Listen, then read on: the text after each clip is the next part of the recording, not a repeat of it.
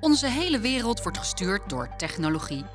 Ook al heb je misschien bewust geen smartphone of gebruik je geen social media, toch is er geen ontsnappen aan de manier waarop data en algoritmes ons leven beïnvloeden. Ook het werk van provincies verandert continu door de impact van de digitale transformatie. Of het de algoritmische modellen zijn die onder de stikstofdiscussie liggen, of de satellietbeelden die we gebruiken om natuurgebieden te analyseren. Digitalisering is overal. Maar hebben we wel voldoende grip op de maatschappelijke gevolgen die dit met zich meebrengt? Sinds de toeslagenaffaire snappen we allemaal dat we niet onbeperkt data moeten gebruiken om mensen te beoordelen. Maar hoe zit dat dan met de data over onze natuur en het inzetten van drones? We zijn vandaag aanwezig bij het Landelijk Congres van het Interprovinciaal Overlegorgaan, IPO. En we praten hierover met gedeputeerde Willy de Zoete van de provincie Zuid-Holland. En met de deelnemers aan de technologie- en ethieekwandeling die hier vandaag plaatsvindt. Welkom bij deze speciale aflevering van De Achtertuin, de podcastserie van de provincie Zuid-Holland. Vandaag vanaf het IPO-congres 2022 in Tilburg. Ik ben Marieke van Buitenen en ik presenteer de podcast samen met Michiel. Yes, klopt. Ik vraag de deelnemers van de ethiek- en technologiewandeling het hemd van het lijf, Mariek. En uh, ja, we gaan een showtje maken. Dit is de Technologie- en Ethiek Show van de Achtertuin. We zitten hier met uh, Willy de Zoete, gedeputeerde van de beide provincies Zuid-Holland. Want jij hebt uh, digitale overheid, als ik het goed zeg. En, uh, en ook personeel en organisatie in je portefeuille. Dus, ja, beide. Inderdaad. Ja, het hoort bij elkaar. Twee ja. kanten, zowel de maatschappij als de, de organisatie zelf. Um, ethiek en technologie, wat heb jij daar persoonlijk mee? Uh, technologie, gewoon uh, interesse. En uh, een hele familie die IT'er en zo is en erg van technologie houdt. Man die in Delft heeft gestudeerd. Nou, hoe technisch wil je het hebben? Maar, en ethiek is uh, een beetje vanwege mijn achtergrond. Uh, je zou kunnen zeggen, van, ja, zit bij de ChristenUnie, oh, oh, natuurlijk. Maar uh, ik ben ook docent geweest in het zorgonderwijs. En ethiek was daarbij een van mijn onderwerpen waar ik dus ook over doseerde. Ik ben Anton Karreveld Nelissen. Dat is inderdaad een dubbele achternaam. Nelissen Karreveld is de naam van mijn vrouw. Nettie, Nettie Nelissen Karreveld. Maar ik ben dus Anton. Ik ben de tech-optimist. En ik uh, ga u vandaag uh, een en ander vertellen in deze keynote over... Ik ben uh, Sus Verbrugge. En ik ben opgeleid aan de toneelschool. Nettie, mijn vrouw, die stond ongelooflijk weer eens tegen me te schreeuwen op het schoolplein. Oh, nou, dat maakt ook niet eens echt uit waar het dan over gaat. En dan heb ik die data paraat. Ja, wij gingen dus uh, aan de slag met, met ja, heel veel thema's rondom data, ethiek en vooral over menselijkheid en data. En hoe je die twee combineert. En toen, toen dachten wij, ja, wat we niet willen doen is kritiek leveren op het gebruik van data en zeggen je moet er wel oppassen dat, uh, dat we niet onze menselijkheid verliezen. Want als je met de vinger gaat wijzen, dan gaan mensen in de verdediging schieten. En ja, wie zegt dat wij daar gelijk in hebben? Dus, wat we hebben gedaan, we hebben een personage neergezet wat zelf zo vol van die technologie en die data en die innovatie en die ontwikkelingen is. En hem eigenlijk iets laten vertellen over zijn leven. En waar die ook af en toe in de knoop komt door die fascinatie met data. En uiteindelijk de conclusie bij het publiek proberen te laten van... joh, wat, wat vind je hier nou van? En hoe, kijken jullie nou naar die spanning tussen menselijkheid en uh, data of technologie? Het systeem meet en weet. Het systeem heeft eigenlijk altijd gelijk. Daar hoef ik helemaal niks voorbij te houden. Het systeem heeft geen emotionele uitbarstingen. Het systeem scheldt me niet uit. En als het systeem er toch een keertje naast zit, geeft het een foutmelding. Even terug naar de provincie Zuid-Holland. Uh, kan je een concreet uh, ethisch dilemma noemen in de organisatie en hoe je daarmee omgaat? Zodra het burgers raakt, uh, heb je al gauw uh, te maken met ethiek. En dat is waarom we ons als provincie daar ook uh, zorgen over maken. We moeten dat niet vergeten. Maar ook als het de burgers niet raakt en gewoon van hoe ben je als organisatie bezig. Soms ook met hoe ben je bezig met de mensen in de organisatie. Dan moet je de ethiek wel degelijk in je achterhoofd houden. Het moet eigenlijk standaard zijn. En heel veel mensen zeggen ook het is standaard. Hè? Waarom zouden we meelopen met zo'n ethiekwandeling? We weten heus wel wat ethisch verantwoord is of niet. Maar soms komen er ook dingen naar boven waarvan je denkt van... hé, hey, ja, laten we eens wat tijd nemen om daar wat meer over na te denken. Heb je daar een, een praktijkvoorbeeld van? Uh, dingen die wij doen als provincie. Uh, wij controleren bijvoorbeeld de wegen tegenwoordig ook wel met drones. Om te kijken of het onderhoud kunnen uh, beter maken. Sneller of misschien minder snel. dan kunnen we geld besparen. We doen dat bijvoorbeeld ook in de duinen. kijken hoe het onderhoud is. hoeveel konijnen er lopen. Maar er lopen ook mensen. En dan moet je natuurlijk wel in de gaten houden dat je gegevens van mensen uh, wist, uh, in ieder geval niet bewaart. We doen dat samen met, uh, met de gemeente en met de universiteit. hebben we in ehm, Scheveningen een, een field lab noemen we dat. En daar staan ook een aantal palen op, op de boulevard. En die meten het aantal mensen dat voorbij komen, de weersomstandigheden. Dat heeft ook een beetje te maken met crowd management. Crowden lopen daar niet zo, uh, zo vaak. Een paar dagen in het jaar dat het echt heel erg mooi weer is. Um, maar de, mensen worden dus gemeten, mensen worden opgenomen. Die gegevens worden echt niet bewaard. Dus als, je beeld, als wij beelden hebben van mensen, die beelden worden niet bewaard. Het gaat dan zuiver om aantallen. Hoeveel mensen zijn hier voorbij gekomen? Uh, met zulke sterke wind. Um, wanneer kunnen we dus, als de, weersvoorspelling is op een bepaalde manier, kunnen we heel veel mensen verwachten en moeten we daar rekening mee houden. Oké, dus het klinkt alsof er duidelijk wordt nagedacht over het doel van de dataverzameling. Ja, en dat is iets wat je altijd moet doen. Hè? Je moet bij dataverzameling altijd nadenken over van wat wil je ermee. Uh, verzamel je niet te veel. Uh, we werken op basis van data, want dat is juist, vind ik, ethisch verantwoord. Omdat we dan geen uh, menskracht verspillen. Maar je kunt ook data verzamelen die voor mensen uh, schadelijk zouden kunnen zijn. Soms denk je van, nou, hoe kan dat nou schadelijk zijn? Maar dat, dat is nou juist zoiets waarvan je zegt van, nou, laten we wat tijd nemen om daar eens goed over na te denken. Ja, wil ik aan de uh, deelnemers vandaag uh, vragen. Uh, wat is jullie persoonlijke relatie tot het onderwerp ethiek en technologie? Ja, ik ben Lubber Schenk, ik ben uh, statenlid voor de ChristenUnie provincie Flevoland. En in het dagelijks leven ben ik docent industriële robotica en smart technology. Dus die relatie met techniek die zit er heel diep in. En we hebben het ook over de ethiek met robots, die robotwetten en dat soort dingen. Dus vandaar dat ik dit heel interessant vind. Ik ben docent, dus ik moet mijn studenten leren omgaan met die techniek en de technologische ontwikkelingen. En er zitten soms ook niet alleen maar wiskundige vraagstukken bij, maar er zit ook gewoon een stukje ethiek bij. Van, eh, nou, als je een robot mag bijvoorbeeld de mens niet beschadigen, is een van de wetten. Ja. Maar ja, tegenwoordig met de intelligentie heb je misschien een toekomstbeeld dat de techniek uh, zelf uh, wetten gaat aanpassen. En daar moet je dan wel over nadenken. En ik doe dat op een heel laag niveau als uh, mbo-docent. We proberen dat wel een klein beetje bij de studenten, dat ze daarover nadenken.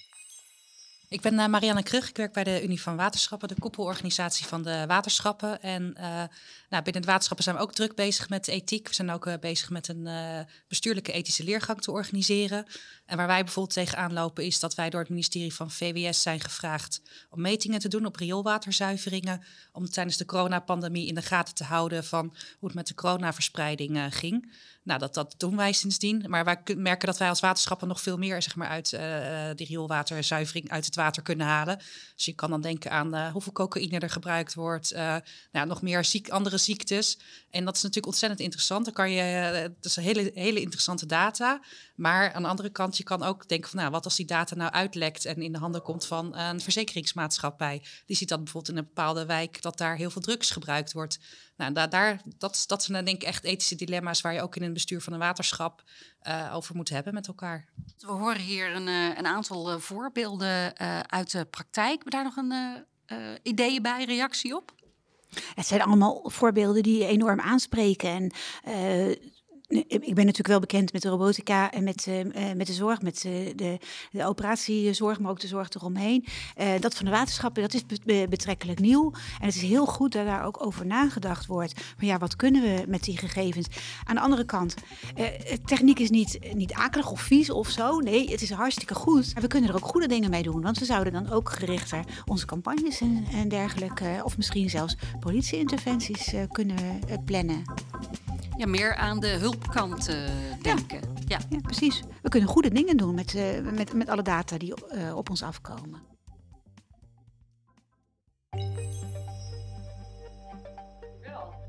Ja, en voor onze casus mogen jullie weer heel vertrouwd plaatsnemen. Als je lekker stond, blijf dan ook gerust staan. Het hoeft niet, die stoelen. Um, um, maar ja, ik denk dat het een heel mooi concept is, wat ook door te voeren is op de casus die wij in Noord-Holland hebben, hebben gedaan.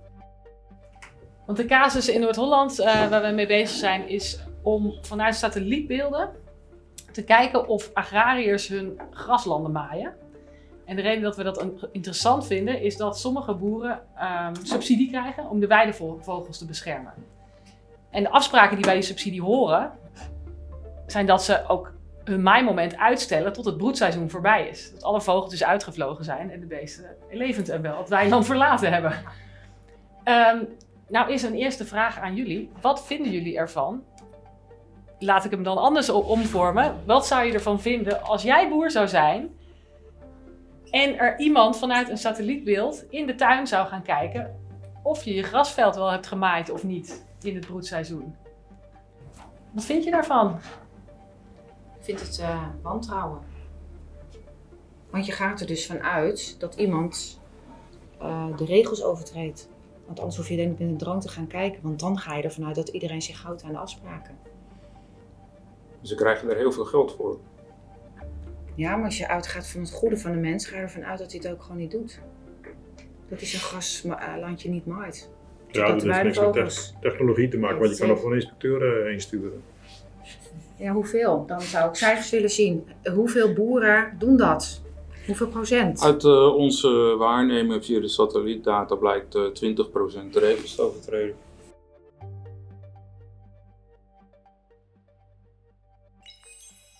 We gebruiken dus satellietbeelden, dronebeelden, camerabeelden om de uitvoering van het beleid uh, van de provincie Zuid-Holland te ondersteunen.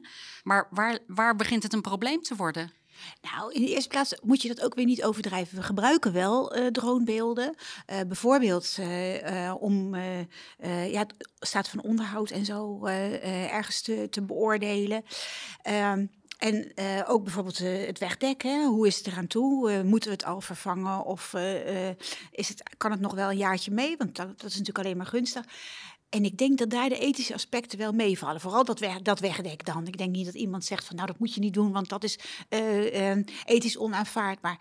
Als je het over de staat van onderhoud hebt, dan begint het al een beetje lastiger te worden. Want als het nou je eigen onderhoud is, iets wat je zelf zou moeten onderhouden als provincie, dan zijn het, ben jij de enige die het raakt. Maar stel je voor dat het nu. Uh, dat je een boer subsidie geeft om de akkerranden niet voor een bepaalde tijd in het jaar te maaien. En je, je, stuurt er een drone overheen en je ziet dat hij uh, zeg maar op 25 april heeft gemaaid, terwijl hij geld krijgt om het pas op 1 mei te doen. heb je dan zo'n gevoel van Big Brother is watching you? Of ja, mijn gevoel zou zeggen van doe dat nou maar niet, stuur die drone maar per 1 mei. Oh, maar anderen zeggen misschien van ja, helemaal geen drone uh, overheen. Uh, je moet gewoon de mensen ook een klein beetje vertrouwen. En die boer die heeft vast redenen om het eerder te doen. Uh, als je het doorhebt, omdat je er toevallig langs gaat of omdat iemand daarover meldt, dan kun je altijd in gesprek gaan. Nou, dat is best wel een, een punt. En, en, als je kijkt over andere data die we verzamelen. Ehm, data zijn, niet, zijn zelden waardevrij. En ik denk dat jullie het daar ook over gehad hebben. Wij gebruiken ook data om bijvoorbeeld de, schaarse ruimte die we hebben uh, te verdelen.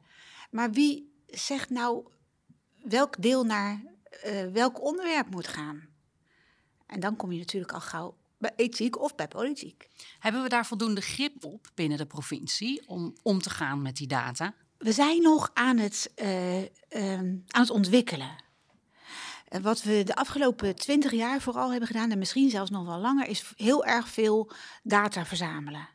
Zelfs zoveel dat we ze niet meer. ehm, dat ze of soms niet meer eh, actueel waren, of dat we ze niet meer goed konden vinden. Dat is op dit moment echt iets waar we heel hard aan werken. Actueel en vindbaar. Mag ik bij jou beginnen? Ja, natuurlijk. Mijn naam is eh Salome en ik werk bij de Greenlands. Ehm, dus ik ben van, de, van degene ook, eh, ja, ik ben mee met de collega's die ook deze ethieke wandeling hebben georganiseerd. De Greenland is bij verschillende ehm, overheidsorganisaties ehm, schrijft daar aan tafel. En dat is ook juist een goed teken dat eh, de overheidsorganisaties de Greenland aan tafel laten schuiven om daarover in gesprek te gaan. En wat is jullie missie? Niet eh datagedreven, maar mensgedreven werken. Kijk, dat, dat horen we natuurlijk graag. Mensgedreven. Eh eh, ik ga, loop ik eventjes naar eh, je voorbuurman. Vinesh Lalita, zeg ik dat goed? klopt. Eh, vertel, van welke organisatie ben, of ben je of in welke hoedanigheid ben jij hier vandaag? Ik ben eh statenlid in eh, Zuid-Holland, dus eh, bij eh, Willy. En eh, ja, dus ik herken wat ze zegt, eh, de hoeveelheid aan data. Is waar we ook eh, bij de keynote in de vorige sessie over hadden, van de hoeveelheid van data en hoe sorteer je het en hoe eh, hou je het nog gewoon bruikbaar voor je organisatie. En eh, ja, ik snap ook wel de ethische dilemma's, ook als het gaat om surveilleren in het voorbeeld wat Willy ook schetst. Maar ja, dat, dan kan je zeggen, bijvoorbeeld met het surveilleren, van het, je kan het zien als controle, maar je hebt natuurlijk data. En je, als je een beleid ontwikkelt en je hebt een maatregel, bijvoorbeeld het niet maaien, en je gaat data verzamelen en je ziet eh, dat het dus niet het effect genereert wat je voor ogen had, dan moet je natuurlijk wel op zoek van ja, waar ligt het dan aan? En als je dan door surveilleren erachter komt van joh, de uitvoering is anders dan hoe we hadden bedacht, dan heb je natuurlijk wel daar een antwoord op. En dan is het niet om zeg maar, die boer, die agrariër te controleren en misschien streng toe te spreken, maar dan is het wel om het effect eh, van, je, eh, van je beleid eh, te evalueren. Dus op die manier kan je er ook naar kijken. Ja, dan gebruik je het eigenlijk voor jezelf. Ja, precies. En dan heeft het een andere toepassing. Want je, je kan dan zeggen van joh, we hebben een bepaald beleid ontwikkeld en het werkt dus niet. Dus we moeten ander beleid ontwikkelen. Of je ziet van ja, we hebben beleid, theoretisch werkt het, de uitvoering is anders en daarom werkt het niet. Dus ja, ik denk dat dat toch nog wel een belangrijke schakel is in het proces. Dus ik ben niet zozeer dat het per se negatief is. Het is hoe je ermee omgaat. Ja, dat is natuurlijk precies ethiek. Hè? Hoe ga je met dingen om? Maar in- het is niet, niet eh, goed om te zeggen van ja, die, die gegevens, dat ben ik helemaal met je eens. Die, die verzamelen we maar niet. Want stel je voor dat we iemand te nakomen. Nee, de gegevens op zich zijn eh, harde data. Maar hoe ga je ermee om?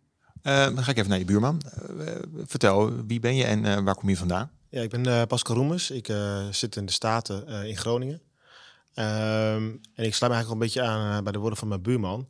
Ehm, we hebben natuurlijk heel vaak, in Groningen heb je heel wijds gebied. Heel veel open landschappen, zeg maar. Dus het is heel goed om daar ook, heel goed met drones kun je dat dingen doen. Eh is het ook al voor de waterkeringen, et cetera. Maar ook als je kijkt naar waterstanden, droogte, is het denk ik heel goed om, dat, eh, om daar ook voor te gaan gebruiken. Tegelijkertijd, we hebben ook een toezichthoudende rol eh, als provincie. Net als bij gemeenten, dat mensen langskomen. En nu kun je daar ook de drones voor gebruiken.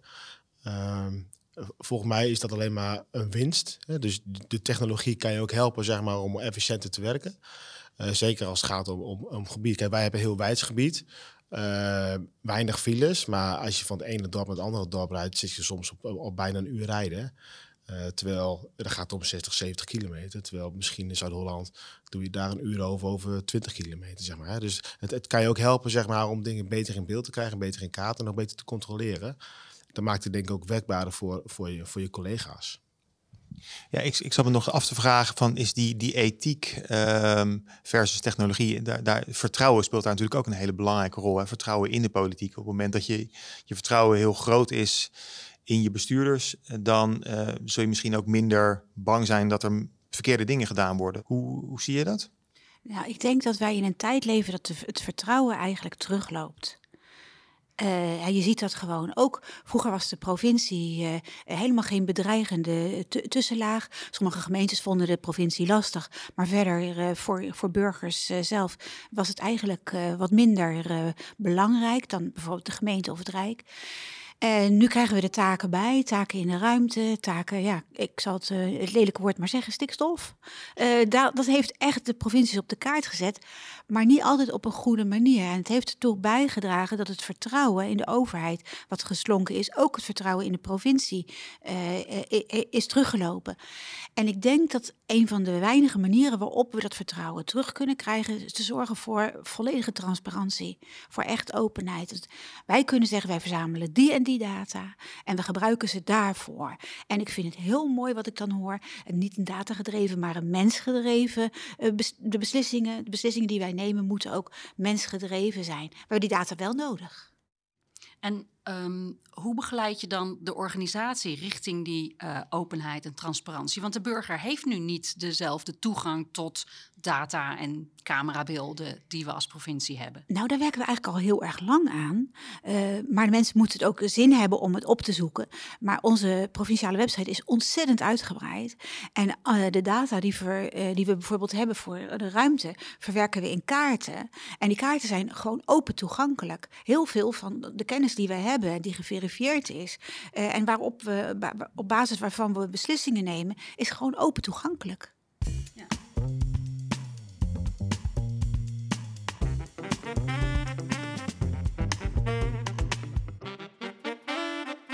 En nou heb ik hier ook de interprovinciale gids ethiek en digitale transformatie liggen, die ook voor onze deelnemers uh, beschikbaar is. Um, een, uh, een handig handvat voor uh, de organisatie, uh, denk ik zo. Ehm, hoe ver staat het, denk jij, met die transformatie? Ik denk dat we goede stappen al hebben gezet, maar dat we zeker ook nog veel te doen hebben. Dat is een beetje ook weer een beetje een wollig antwoord, maar het is gewoon wel zoals het is. We zijn ons ervan bewust, dat is de eerste en de allerbelangrijkste stap. En de volgende stappen zijn van ja, welke kant gaan we nu op met elkaar? transparantie uh, klinkt als heel makkelijk, maar dat is een verrekte grote klus. Maar we doen het wel. Ja, en we hebben daar in ieder geval een gids uh, bij. in de vorm van een uh, papieren gids, maar ook uh, jou Ja, als, en die is eigenlijk heel praktisch, hè, want we hebben het over hele wollige verhalen. Maar in de gids staan gewoon heel, heel praktische dingen. Praktische, praktische handvatten. Um, zijn er nog vragen? Aan, uh, aan, Willy. Ja, ik had nog wel een vraag die ik eventjes bij de, bij de luisteraar of bij de deelnemers wil neerleggen. Uh, want er zitten ook mensen uit verschillende provincies. Dat, dat, die gids is, is, een, is een samenwerking, toch? Is, uh, is, is een resultaat van samenwerking tussen allerlei provincies. Er moeten ook allerlei verschillen zijn. Hoe, hoe zien jullie dat onderling in die, op, op zo'n dag als vandaag? Wat merk je van, van de verschillen tussen provincies en ja, hoe je toch misschien ook van elkaar kan leren? Nou, ik, ik denk zeg maar als het gaat om uh, die transformatie dat we nog uh, redelijk in het begin staan. En we hadden het uh, net eigenlijk tussendoor ook over dat de ontwikkeling zo snel gaat, zo hard, exponentieel eigenlijk, dat we het als publieke sector bijna niet kunnen bijbenen. Dus dat we dus best wel achterlopen eigenlijk. Als je bekijkt van wat er al mogelijk is. waar, waar heb, wat gaat er dan zo snel? de technologische ontwikkelingen, artificial intelligence, ik noem maar iets. En hoe wij dat zeg maar toepassen uh, in de publieke sector. Uh, of überhaupt ons kennisniveau daarover. Uh, kijk ook alleen naar de wet en regelgeving wat we hebben. proeftuinen misschien die we beschikbaar stellen in de, de provincie om hiermee aan de slag te gaan. volgens mij kunnen we daar best wel meer op inzetten. En ik denk dat op dit moment de verschillen uh, nog wel redelijk beperkt zijn. Dat er nog heel veel gezamenlijke dingen zijn die we kunnen ondernemen om uh, die eerste goede stappen te zetten. Je kijkt even naar je buurman. Nou ja, volgens mij is dat ook het juiste wat je moet doen. Hè? Want we zijn natuurlijk twaalf verschillende provincies. In die zin dat je uh, qua werkgelegenheid en professionals die je nodig hebt om, om dit goed voor elkaar te krijgen, die heb je niet in elke provincie. Dus je moet dit samen oppakken. Ik zou bijna zeggen ook met bedrijfsleven, beveiligingsbedrijven, zeg maar mensen die echt, echt verstand hebben van van wat er nu kan. Zodat je eh, samen zeg maar, tot, uh, tot een, uh, een goede instrument komt. Want nou, wat mijn buurman net ook zegt, want het gaat zo snel. Weet je, uh, drones, dat uh, tien jaar geleden wist helemaal wat een drone was, bij wijze van. En, en nu maken we er beleid voor, omdat we niet weten hoe we er anders mee om moeten gaan. En wat zeg maar dan over tien jaar? Wat gaan we dan doen? Wat kunnen we dan al? Ja, daar moeten we nu eigenlijk over nadenken. Er zijn echt wel mensen die dat al wel weten. Nou, laten we dat bij elkaar bundelen. Dus we kunnen het als, als een provincie niet alleen doen. Uh, daarvoor is deze, is deze opgave uh, te groot en gaat hij te snel. Je hebt het over een instrument. Uh, Ja, kun, kun jij er iets over zeggen? Ja, ik, ik kan er iets over zeggen. Een aantal dingen die ge- genoemd zijn. Eh, deze gids eh, over eh, ethiek, die hebben we gemaakt in interprovinciaal verband. En we hebben een kopgroep, interprovinciaal, die met digitalisering bezig is. Inderdaad, omdat het zo snel gaat. En omdat niet iedere provincie daar even, even snel in meegaat. Zuid-Holland is een grotere provincie, dus die heeft daar ook een voortouw in. Maar er zijn ook andere provincies die wat minder groot zijn, maar daar echt best wel in voorop lopen. Ehm, ethiek is een onderdeel daarvan, maar ook gewoon de technische ontwikkelingen eh, bespreken we in die kopgroep. Ehm, en we werken ook heel veel samen met, eh, met het onderwijs. Eh, Ik was vorige week nog bij de Hogeschool Rotterdam. We hadden vanochtend daar een lector van. Maar dat is een hele grote hogeschool. En die heeft ook op andere gebieden, artificial intelligence bijvoorbeeld, een heel grote afdeling. En we hadden daar een bespreking juist over ethiek en artificial intelligence. En het feit dat de overheid wat achterloopt daar, is niet altijd slecht. Want we hoeven niet voorop te lopen. Wij kunnen het zien. De kennis, we zijn geen kennisinstelling. We werken samen met de kennisinstellingen. Universiteiten hebben in, in, ehm, in Zuid-Holland ook een paar die eh, wel voorop lopen. We gaan met hen in gesprek en we kijken wat zij ontwikkelen en wat wij eh, kunnen gebruiken. Maar dan kunnen we er eerst eens even goed over nadenken. Want dan heb je toch dat mensgedreven stuk.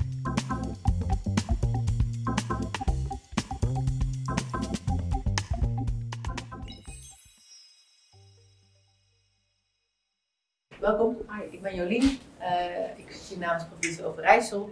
Ik eh, help Overijssel om dingen door, om innovatie, technologische innovatie, door een ethische bril te bekijken.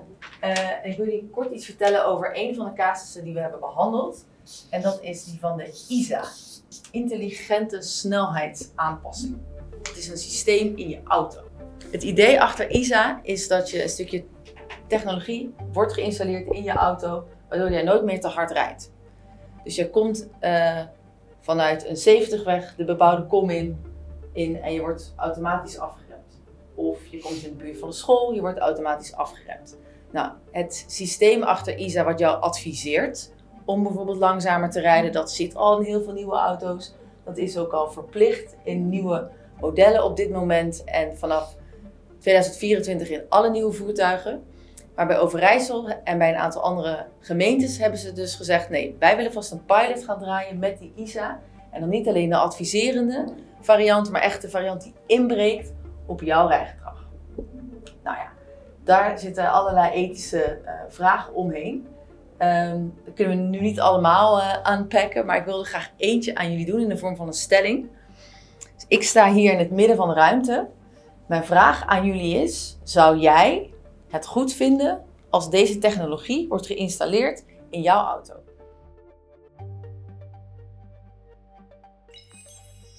En dan verwelkomen wij hier het eh, derde groepje van vandaag. En we gaan het gesprek voortzetten. Mariek, waar gaan we het over hebben? Eh, data en verkeer.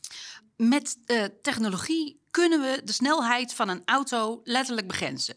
Je kunt dus, kunnen dus letterlijk zeggen: deze auto mag hier op deze weg niet sneller dan 100 km per uur. Kan, kan dan ook niet, eh, kan niet gassen boven de 100 km per uur. Ehm, Dat zouden we wel willen hoor, dat we dat konden, maar dat kunnen we nog niet overal. Nou, op, dus op, op sommige punten kan het wel, hè. Eh, je kunt, eh, maar, maar nog niet, in alle, we kunnen niet zomaar alle auto's in snelheid begrenzen. Maar het zou wel mogelijk zijn, maar gelukkig hebben we dat nog niet met elkaar afgesproken dat we dat op die manier doen. Nee, technisch is het mogelijk, maar we doen het, eh, we doen het bestuurlijk doen we het niet. Ehm, maar hoe draagt zo'n soort technologie bij aan eh, het verhelpen van problemen op de weg? Wel, ehm, wat wij wel kunnen doen, is het beïnvloeden van bijvoorbeeld verkeerslichten. En wat we ook kunnen doen, is afspraken maken over routing. Eh, ehm, ik kan een heel praktisch voorbeeld geven. We hebben in, in het Westland niet zulke hele grote wegen. Eh, maar wel heel veel verkeer, want er wordt heel veel geproduceerd, hè, groenten en eh, bloemen. Ehm, en eh, we willen die graag zo goed mogelijk door het Westland geleiden, zodat ze snel naar de grote weg gaan en dat er zo weinig mogelijk last, mensen last van hebben. En dat, dat kunnen we inderdaad. Wij eh, zetten de, eh, de, de verkeerslichten eh, op, op groen, we zorgen voor groene golf. Dat soort dingen kunnen we wel doen. Ja. Oké, ja, zodat die, die vrachtwagens goed eh, doorstromen. Vraag aan de, aan de deelnemers eh, aan, de, aan deze sessie. Ehm, krijgen jullie in je werk ook met dit soort eh, eh, praktische gevallen te maken? En moet je dan ook ergens het geweten zijn tussen technologie en, en ethiek? Stel jezelf even voor. Ja, vertel. Eh, mijn naam is uh, Roland Vens van de provincie Overijssel. Uh, om het concrete voorbeeld even aan te geven. Als je van Wateringen richting Quintsheul via Poeldijk naar Naaldwijk gaat... is het een vrij smalle weg met greppels langs de kanten en aan de rechterkant kassen. Nou, dan is het heel duidelijk als je daar met veel vrachtwagens langs rijdt... dat je dat opstoppingen krijgt. Alleen, hier, juist dit is een moment dat je heel goed moet kijken van... moet je regels heel scherp vaststellen. Want dan kunnen verkeerssituaties voordoen... juist omdat die weg in verhouding vrij smal is voor die vrachtwagens... dat de ene moment er harder gereden moet worden voor de doorstroming... dan een ander moment. En dat is heel verschillend. Dat is volgens mij niet in logaritme zo vast te leggen. Dat hangt helemaal af van de situatie. Hooguit wat je kunt doen, wat nu ook gebeurd is... door een aantal uh, verkeersregelinstallatie uh, te platen... waardoor de boel meer verdeeld wordt. Maar veel meer dan dat kun je niet doen. En wat wij hoorden bij onze sessies van Zweven, is dat er plannen waren om het heel concreet, heel scherp, eh, alles te besturen, dat auto's ook niet meer zwart kunnen rijden. En er kan levensgevaarlijke situaties ontstaan, waardoor verkeersopstoppingen en aanrijdingen kunnen ontstaan, als de machine gaat bepalen wat de chauffeur gaat doen. En vandaar ook dat de situatie van die weg, vind ik een heel mooi voorbeeld van, hier moeten de mensen zelf meer centraal staan dan het logaritme, dan uh, de machine. Ja, dus heeft ethische bezwaren ten aanzien van de veiligheid. Praktische bezwaren. Praktische bezwaren. Het is geen, geen bezwaar van, uh, van ethiek of wat dan ook. Het is gewoon, veiligheid is gewoon een feit. Iets is veilig of iets is niet veilig en alles wat er tussenin zit. En door de mens mee te laten beslissen, vergroot je de veiligheid in plaats van dat je hem verkleint. Is het zo zwart-wit? Ik weet niet uh, of je... Uh, ja, precies. Uh, en of je dat altijd als een ethisch probleem uh, moet bepa bepalen, maar het is wel een praktisch probleem. Onze logaritmes worden wel steeds beter, maar het is zeker nu een feit dat uh, die zelfrijdende auto's of de slimme auto's, die, waarvan de snelheid begrensd is, of auto's die ingrijpen, die heb je best al veel. als een andere auto te dicht, te dicht op zit, die veroorzaken soms ongelukken waar de chauffeur, als die had kunnen ingrijpen, het ongeluk had kunnen voorkomen. Maar ook dat zijn lerende systemen en dat kan verbeterd worden. En of er dan toch altijd een ingrijpen van een, uh, een mens noodzakelijk of mogelijk moet blijven, uh, ja, dat is dan weer wel de ethische kwestie natuurlijk. Chris?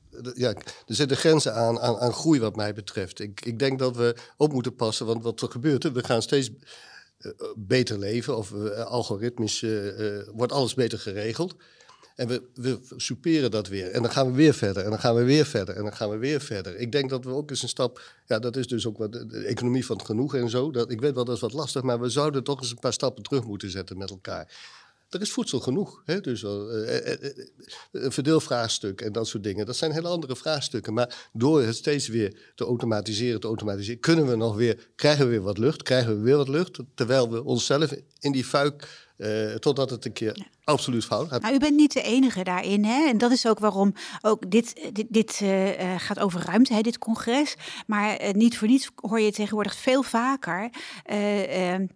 inderdaad, de economie van het genoeg, maar ook de brede welvaart. Welvaart en welzijn, dat is waar we ons op richten. En, maar ook voor die welvaart en voor het welzijn hebben we de data wel nodig. Uh, maar goed, uh, dat wil niet zeggen, we, richten ons niet meer zo gelukkig uh, op steeds maar meer en steeds maar verder. Wordt nog wel gedaan natuurlijk. Hè. Een bedrijf dat zichzelf respecteert wil toch nog steeds het liefst groeien. Daarom heb ik in de ruimte zoveel problemen, omdat ze allemaal meer bedrijventerreinen willen, terwijl er al zoveel mensen wonen. Zo, nou ja, u kent het probleem als geen ander. Daar heb ik ook veel data voor nodig trouwens. Maar we kijken toch vooral naar brede welvaart. En drie jaar geleden, drieënhalf jaar geleden, toen ik gedeputeerde werd, was dat eigenlijk nog een nieuw woord bij ons in de provinciale organisatie. En nu hoor ik het dagelijks. Nou, uh, hoeven we dit uh, gelukkig als provincie ook niet zelf het wiel uitvinden als het gaat om technologie, innovatieverkeer en ook zelfs ethiek. Uh, je noemde al de Universiteit van Wageningen. Uh, samenwerking met uh, instellingen is, is daarbij belangrijk. Hoe, hoe, pakt de provincie Zuid-Holland dat aan? Nou, we weten gelukkig dat ook juist op de universiteiten en hogescholen goed nagedacht wordt over, over ethiek. ook de universiteiten die met de technologie bezig zijn. wij werken samen met de drie universiteiten in, in Zuid-Holland, maar bijvoorbeeld ook met de Universiteit van Utrecht over, juist over de data en hoe je daarmee omgaat. Stel je eens even voor. Sorry, hi, ik ben Mike Lensink. Ik werk uh, als adviseur en ik help overheden met uh, onder andere data-ethiek en uh, vraagstukken rond open data en verantwoord datagebruik. Ik ben heel benieuwd aan alle bestuurders hier, want ik ben geen bestuurder. Um, ik hoor aan de ene kant dat u allemaal worstelt met de toename van, van het gebruik van algoritmes en van data door publieke instellingen. En tegelijkertijd ook dat er aandacht moet zijn voor die menselijke maat. Ik weet uit mijn vak, uh, uit mijn werk, dat er een hele grote kloof is tussen wat er bijvoorbeeld in statuten of in richtlijnen of in vragenlijsten wordt opgeschreven voor wat je met ethiek kan doen op, binnen een organisatie zoals de provincie. En tegelijkertijd merk je ook op de werkvloer dat er eigenlijk best weinig van terecht komt. Dat is iets wat ik, wat ik in mijn werk heb, heb, heb gemerkt. Die kloof is, die kloof is in alle um, uh, sectoren is die aanwezig. Heel veel toolkits en dat soort dingen. En op de werkvloer is er eigenlijk nog vrij weinig resultaat. Hoe kan je wat, wat, ja, wat, is, wat, is, wat is de vraag? Dat is de, de vraag is, hoe, kloof je die, hoe dicht je die kloof? We hebben in de concernorganisatie hadden we al een aantal functionarissen die zich ermee bezig hielden. We hebben nu ook gewoon een, een eenheid privacy. Want merken als je het praktisch maakt, wat eigenlijk de AVG heeft gedaan, dat dan wel want, eh, ambtenaren zijn eigenlijk heel praktische mensen. Die zijn gewoon volgens hun richtlijnen bezig met het uitvoeren van het werk. En als die in, in die richtlijn iets staat, zoals bijvoorbeeld de AVG die er nu in is gekomen, dan werkt het wel. Soms schieten ze er zelfs enorm in door.